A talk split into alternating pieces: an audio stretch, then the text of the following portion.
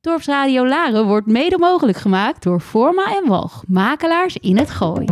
Laren uit, de wildernis in. Wekelijks neemt safari-expert en geboren laarder Frank Ranzijn je mee in zijn wereld. De wereld van ongerepte safarigebieden, de Big Five en de cirkel van het leven. Eten of gegeten worden. Een wereld vol safari-geheimen die hij met jou als luisteraar ontrafelt. Van de mooiste plekken om op safari te gaan tot de regels van de bush. Samen met prominente gasten uit de natuur- en conservationwereld neemt Frank je mee, Laren uit, de wildernis in.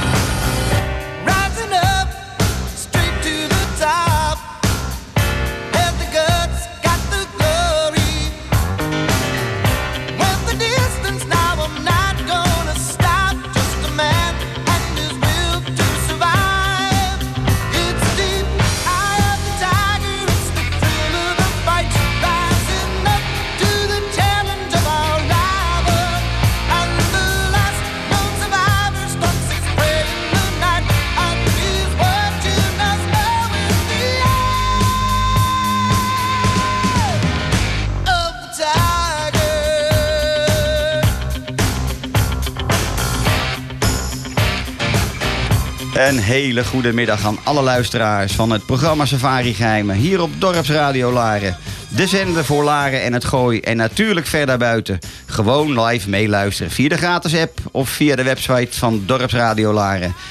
Ehm, en natuurlijk ook later terug te beluisteren als podcastaflevering op verschillende streamingsdiensten zoals Spotify en Anchor. Het is vandaag, woensdag 23 juni, iets over 5 uur. En dit betekent dat we het weer gaan hebben over droomreizen, plannen maken voor de nabije toekomst en natuurlijk heel veel adviezen en tips over waar je nu eigenlijk echt moet zijn als je eens een safari-reis wilt maken straks na corona. Mijn naam is Frank Ramsijn, geboren en getogen laarder en een gepassioneerd wildlife en natuurliefhebber. Oprichter van een klein en exclusief safari-adviesbureau, namelijk Safari Secrets genaamd. Ik spreek vanmiddag over mooie reizen en mooie natuur samen met mijn gast Freek Vermeulen.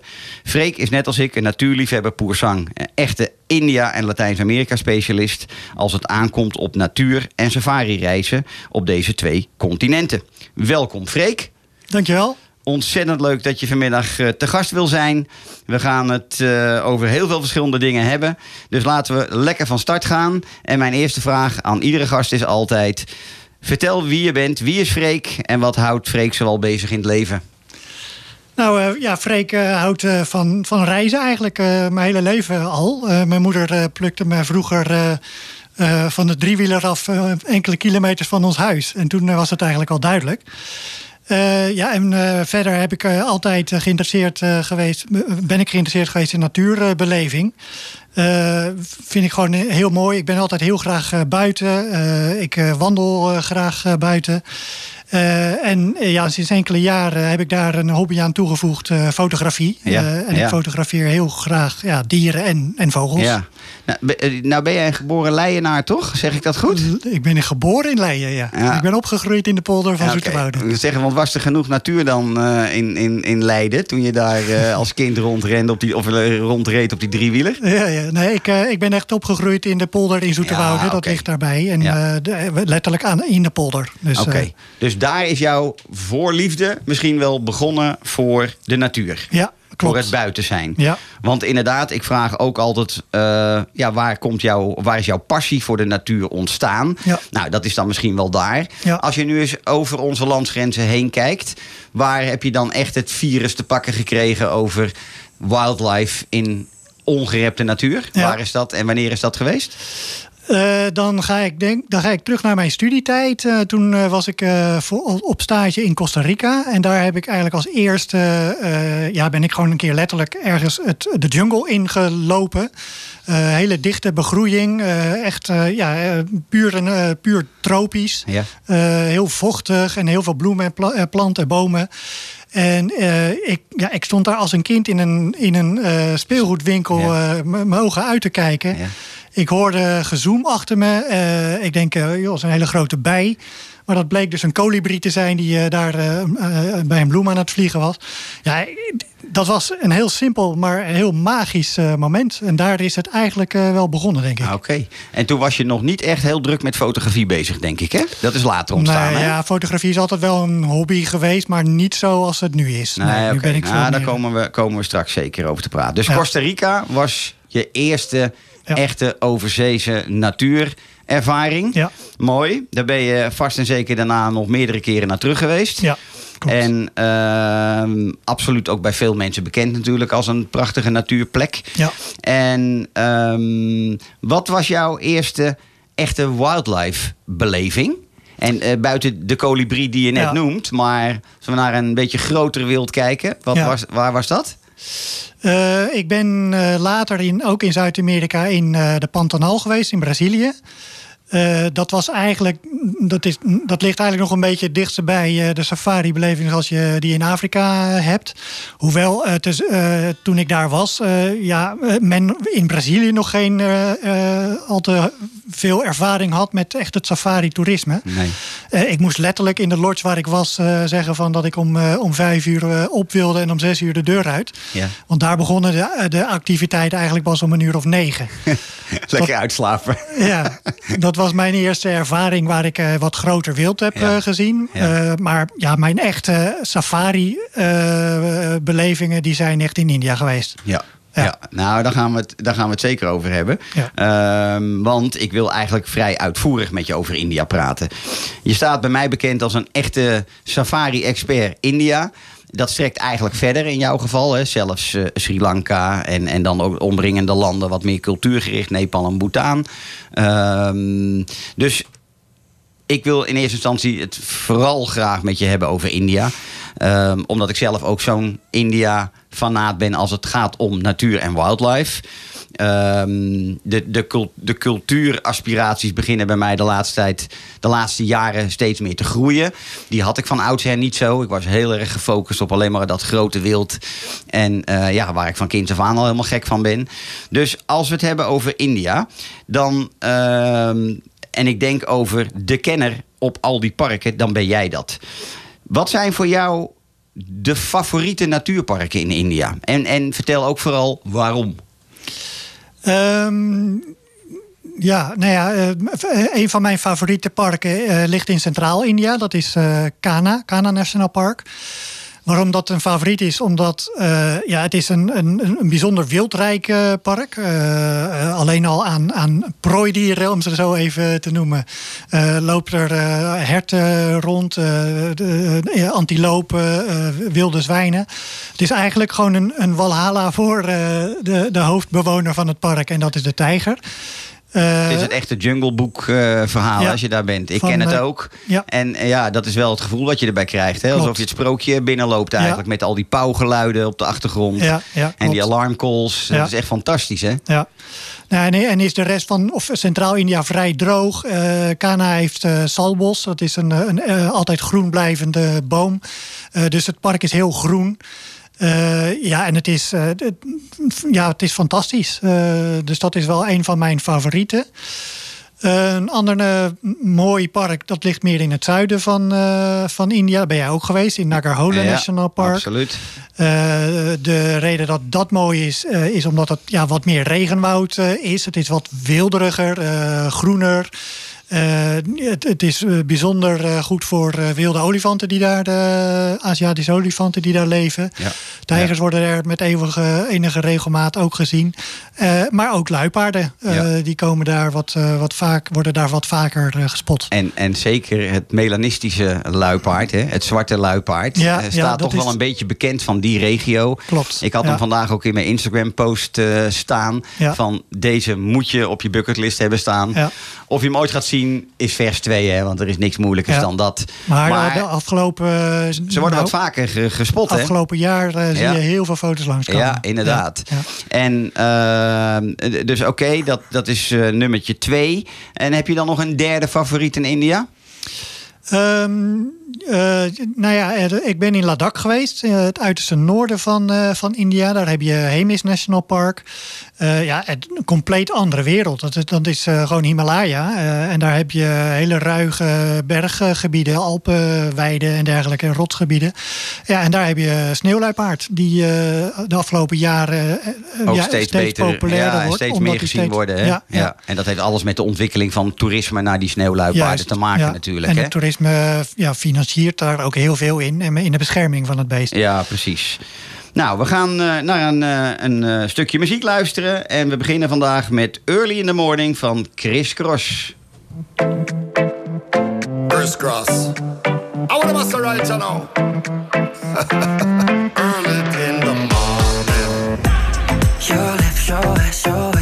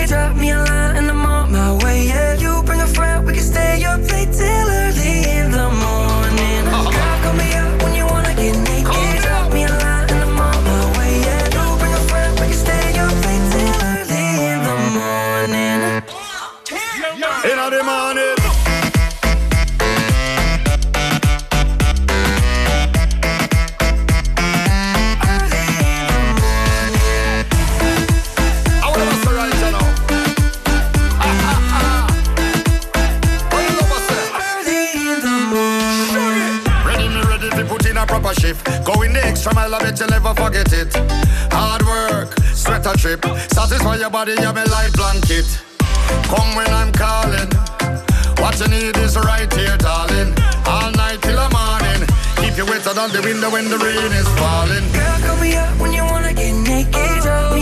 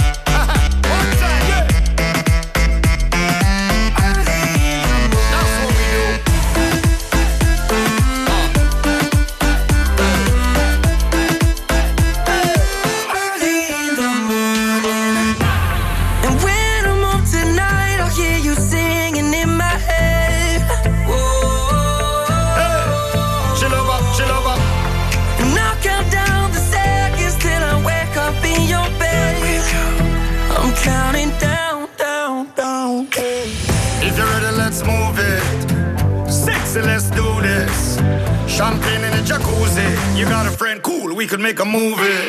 Girl, call me up when you wanna get naked.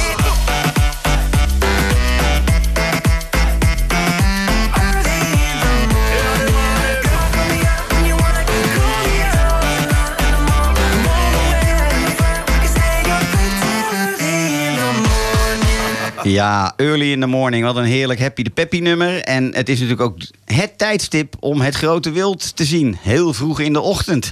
En daar zijn we nog steeds. We zitten nog steeds in India. En we gaan het hebben over al die prachtige natuurparken van India. Ehm Freek, ehm, wat trekt jou zo aan aan de natuur van India? Kun je, kun je dat omschrijven? Ja, ik, ehm, eigenlijk is het heel ja, veelomvattend. W- wat mij ge- gefascineerd heeft in het begin van eh, hè, dat ik het leerde kennen, India als natuurbestemming. Want ja, iedereen leert India kennen als een cultuurbestemming, waar Ja. je mensen hebt in saris en tulbanden en dergelijke.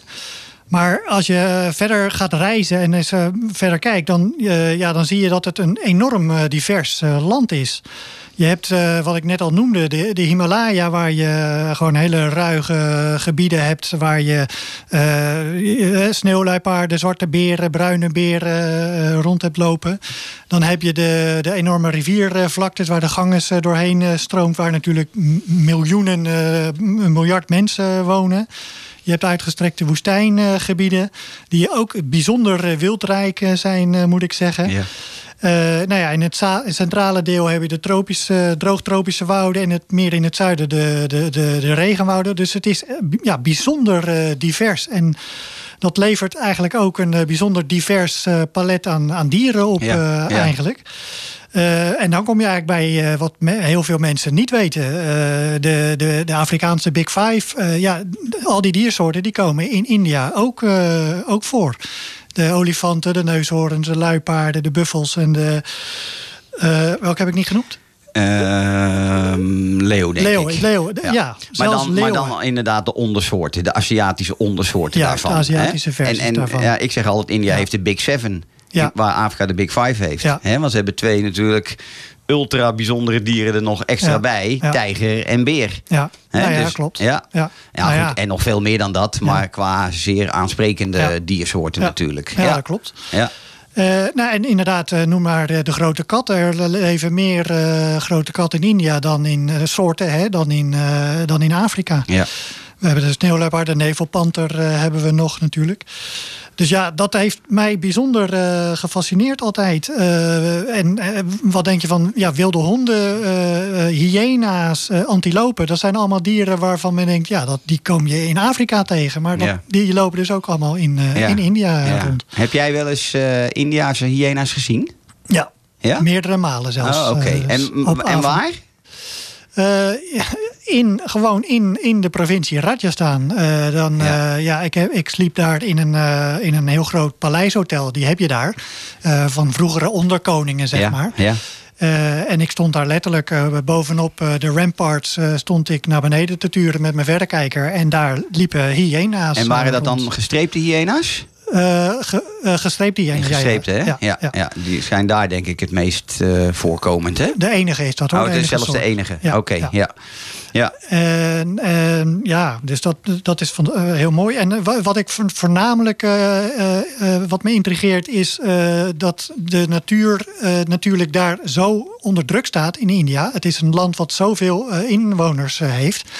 Eh, eh, dus ja, dat het daar op een of andere manier toch nog een plekje eh, kan, kan vinden.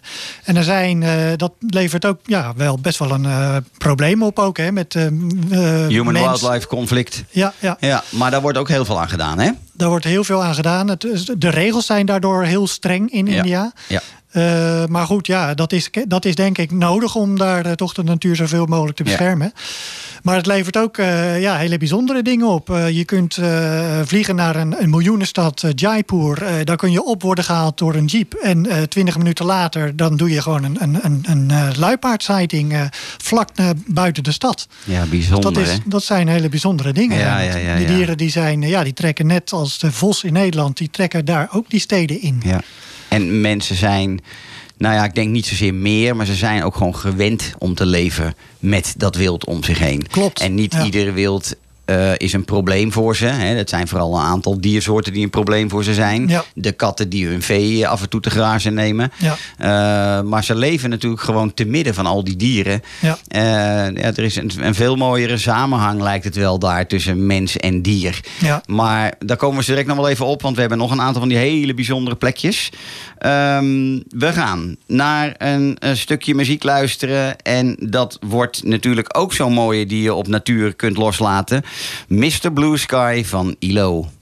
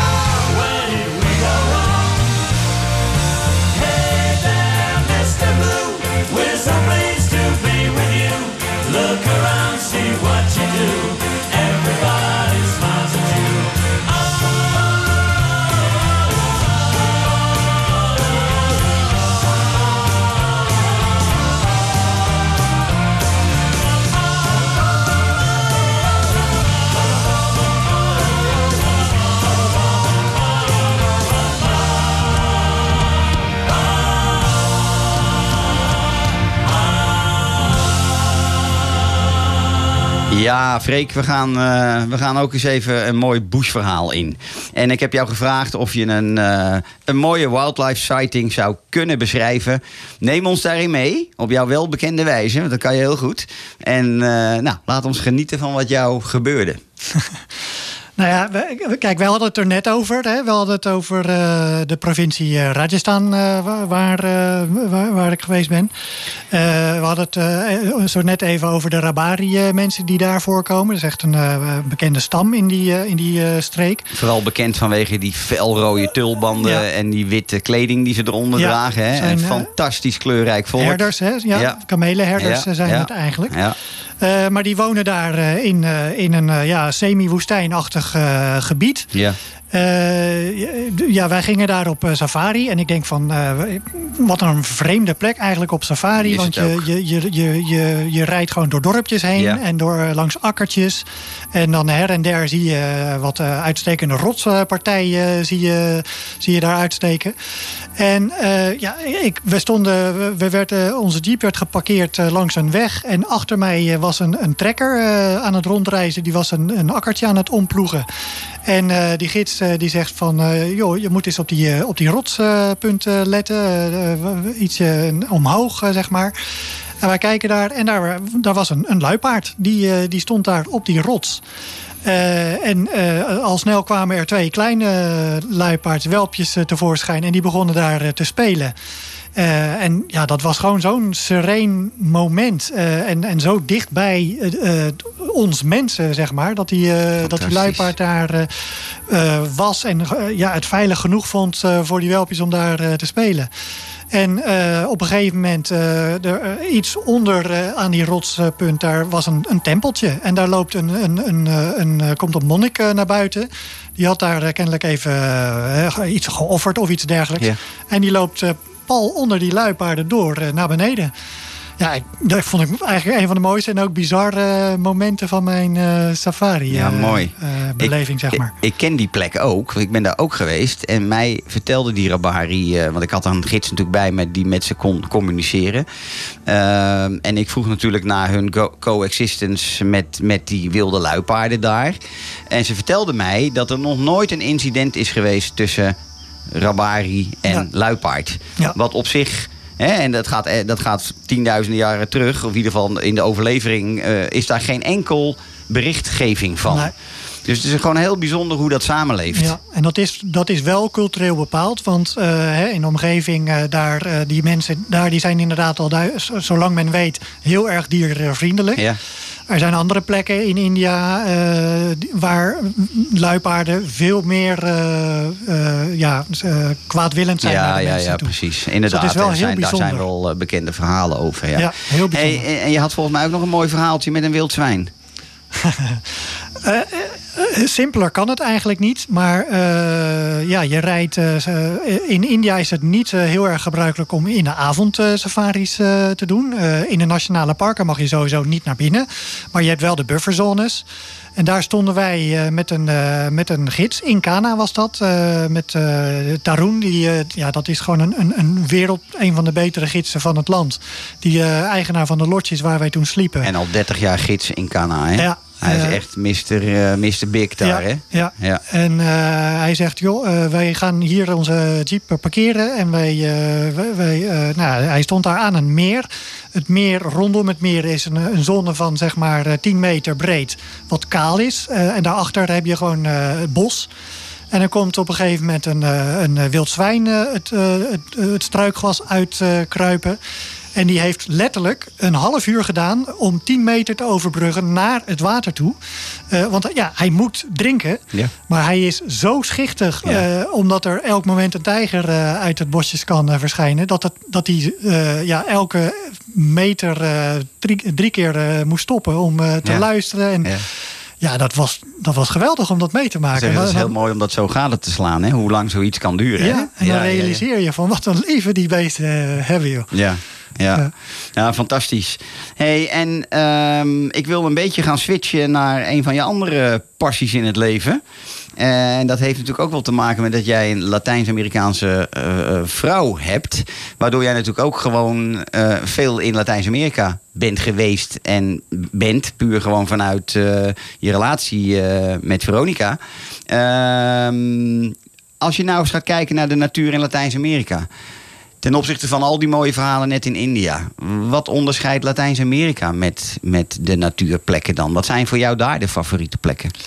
Ehm, je kunt het niet vergelijken met elkaar eigenlijk. Want eh, natuur in, eh, in Latijns-Amerika wordt over het algemeen eh, ja, eh, niet beleefd op de manier zoals in Afrika en, India dan, op de safari-manier. Met uitzondering wat ik net zei in de Pantanal. Je hebt daar voornamelijk natuurlijk, eh, eh, ja, bekend is natuurlijk het eh, Amazone regenwoud, wat heel erg wildrijk is, maar waar je gewoon op een hele andere manier door het, jezelf door het bos kunt bewegen. Ja, ja. Dus je bent daar een stuk beperkter en je bent daar eigenlijk nog veel meer afhankelijk van eh, ja, hele goede gidsen die, eh, die de geluiden kennen en die, eh, die weten waar de dieren te vinden zijn. Omdat het zo, di- zo dicht begroeid is natuurlijk. Hè? Hoe, hoe dichter de, de, de vegetatie, hoe moeilijker het gewoon... Het is eigenlijk vrij simpel. Exact. En dat ja. is daar natuurlijk het meest, het meest aan de orde. Dus het meest dicht. Ja. Ja. Nou ja, en dan, eh, en dan heb je het, het Andesgebergte waar eh, dieren leven, maar veel eh, ja, verspreider dan, in de, dan in andere continenten, zeg maar. Ja. Dus het, is, het zijn daar niet bijzonder grote kuddes die je daar tegenkomt, maar gewoon wat kleinere groepjes. En eh, nou ja, als eh, de jaguars en de puma's die daar dan ook voor voorkomen, die, eh, ja, die leven dan ook wat verspreider. Dus het Ja. is daar wat, wat moeilijker om grote getalen te zien. Ja. Maar de, de soorten rijkdom is daar groter dan in enig ander continent. Ja, dus dat precies. maakt het weer heel weer interessant. Hoe dichter begroeid, hoe groter de biodiversiteit volgens mij. Ja. En de jaguar si- sightings, die worden ook steeds beter hè, in Latijns-Amerika. Ja. In- Op meerdere plekken. Hè. Ik bedoel, Pantanal is denk ik misschien wel nu de... Pantanal is wel de nummer één. Ja, dat denk ik wel. Ja. Eh, omdat er ook steeds meer projecten gaande zijn. eh, zoals wij dat ook uit Afrika kennen. Die dieren worden gewoon steeds wat meer gehabitueerd aan de toerist. Ja.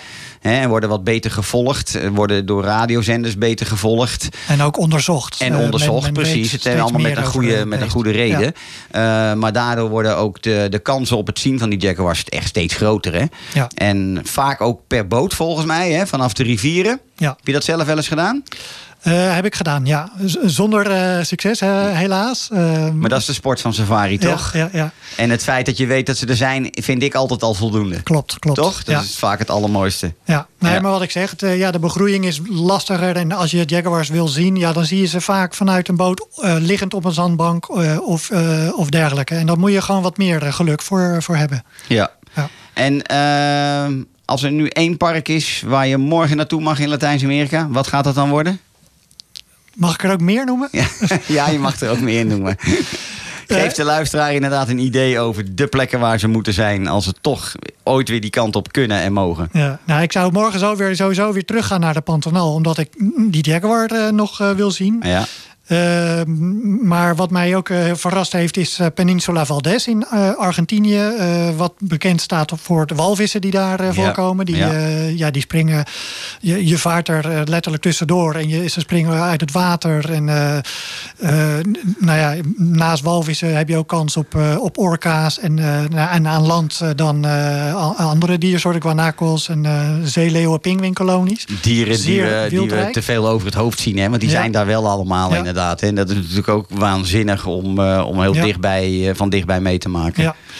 Ik heb eh, ja, boven een van de mooiste parken van Latijns-Amerika is natuurlijk ook de Galapagos-eilanden in Ecuador. Waar je ja, dieren tegenkomt die gewoon niet eh, mensenschuw zijn. eh, Nee. En waar je letterlijk eh, bijna tegenaan loopt als je Ja. er niet uitkijkt. Ja. En ja, dat is ook bijzonder mooi om dat mee te maken. Leguanen die eruit zien als eh, pre- prehistorisch, eh, zeg maar. Ja. Ook eh, snorkelen met zeeleeuwen die om je heen beginnen te, te, te, te zwemmen. Fantastisch. Dus ja, dat, dat is echt kip. Dat zijn Ja, kippenvel dat na zijn, kippenvel eh, momenten. Dat zijn echt eh, geweldige wildlife momenten. Ja. Want dat is het uiteindelijk allemaal. Ja. Ja. Mooi. En Eh, eh, nou ja, ik, ben, ja, ik ben blij. Ik eh, tegenwoordig werk ik bij uh, Sapapana Travel. Eh, ik ben geswitcht naar Latijns-Amerika weer. En ik hoop dat in de nabije toekomst weer gewoon ook te mogen zien. Ja, maar dat gaat er zeker wel weer aankomen. Dat gaat eraan komen. En je bent al je Latijns-Amerika kennis nu aan het gebruiken in, in deze nieuwe baan. Dus ook heel veel succes daarmee, Freek. Dank je. We gaan luisteren naar Heartbreak Anthem van Galantis.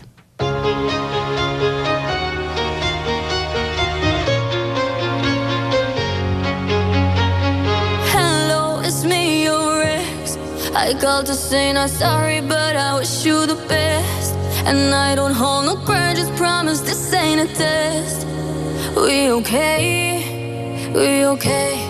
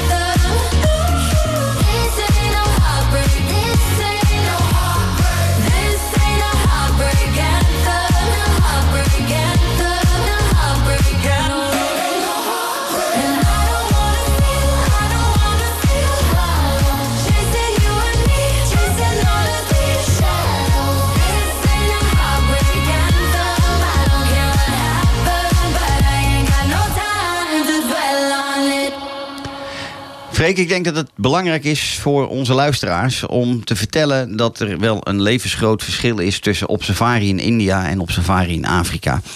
Iedereen die natuurlijk al geweest is, die weet dat wel. Zeker als je in beide eh, bestemmingen geweest bent.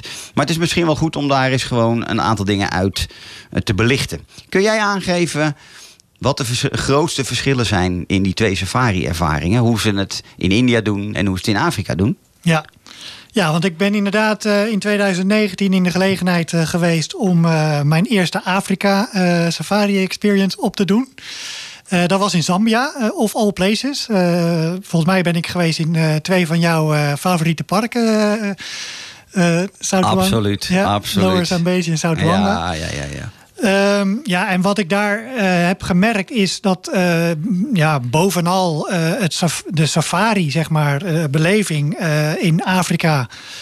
Eh, ja, gewoon wat volwassener is dan in India. Hè. Eh, in, in Afrika bestaat het al eh, tientallen, al, eigenlijk al honderden jaren. Verder eigenlijk. doorontwikkeld, zeg je volgens mij, hè? En dat merk je aan heel veel dingen. aan de kwaliteit van de gids, aan de kwaliteit van de voertuigen, aan de kwaliteit van de lodges en de opbouw van het eh, safari-geheel. in India is het, staat het allemaal nog in, meer in de kinderschoenen. Eh, we hebben het net al een beetje eh, gehad over eh, de regelgeving in India. Omdat India zo eh, bevolkingsdicht is, eh, ja, kom je er in India niet omheen om eh, gewoon hele strenge regels eh, op te stellen voor het safari gebeuren. De safari-parken zijn ook wat meer gesloten als in, als in Afrika. Ze gaan open en dan mag je er naar binnen. En dan gaan ze tussen de middag gaan ze weer dicht. En dan moeten alle jeeps er weer naar, naar, naar buiten. Dus de dieren worden op die manier wel wat rust gegund. Ehm, en dat maakt dat, je, dat Afrika over het algemeen ehm, voor, voor een korte safari-beleving eh, heb je in Afrika sneller eh, hetgeen wat je wil, wilt zien dan in India. In India zou je eigenlijk heb je wat meer tijd nodig om de diersoorten en de natuur in je op te nemen, zeg maar. Ja.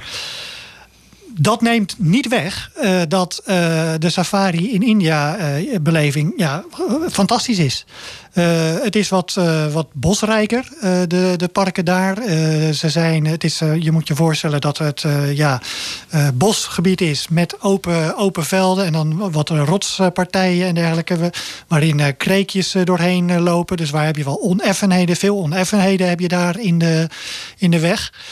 Ehm, dat maakt dat eh, dieren eh, ja, zich kunnen verstoppen in het bos en kunnen verstoppen achter een, een, een rotspartij. dus in, in India ben je afhankelijk van een eh, zeer kundige gids. Die weet over de geluiden die je in dat bos hebt.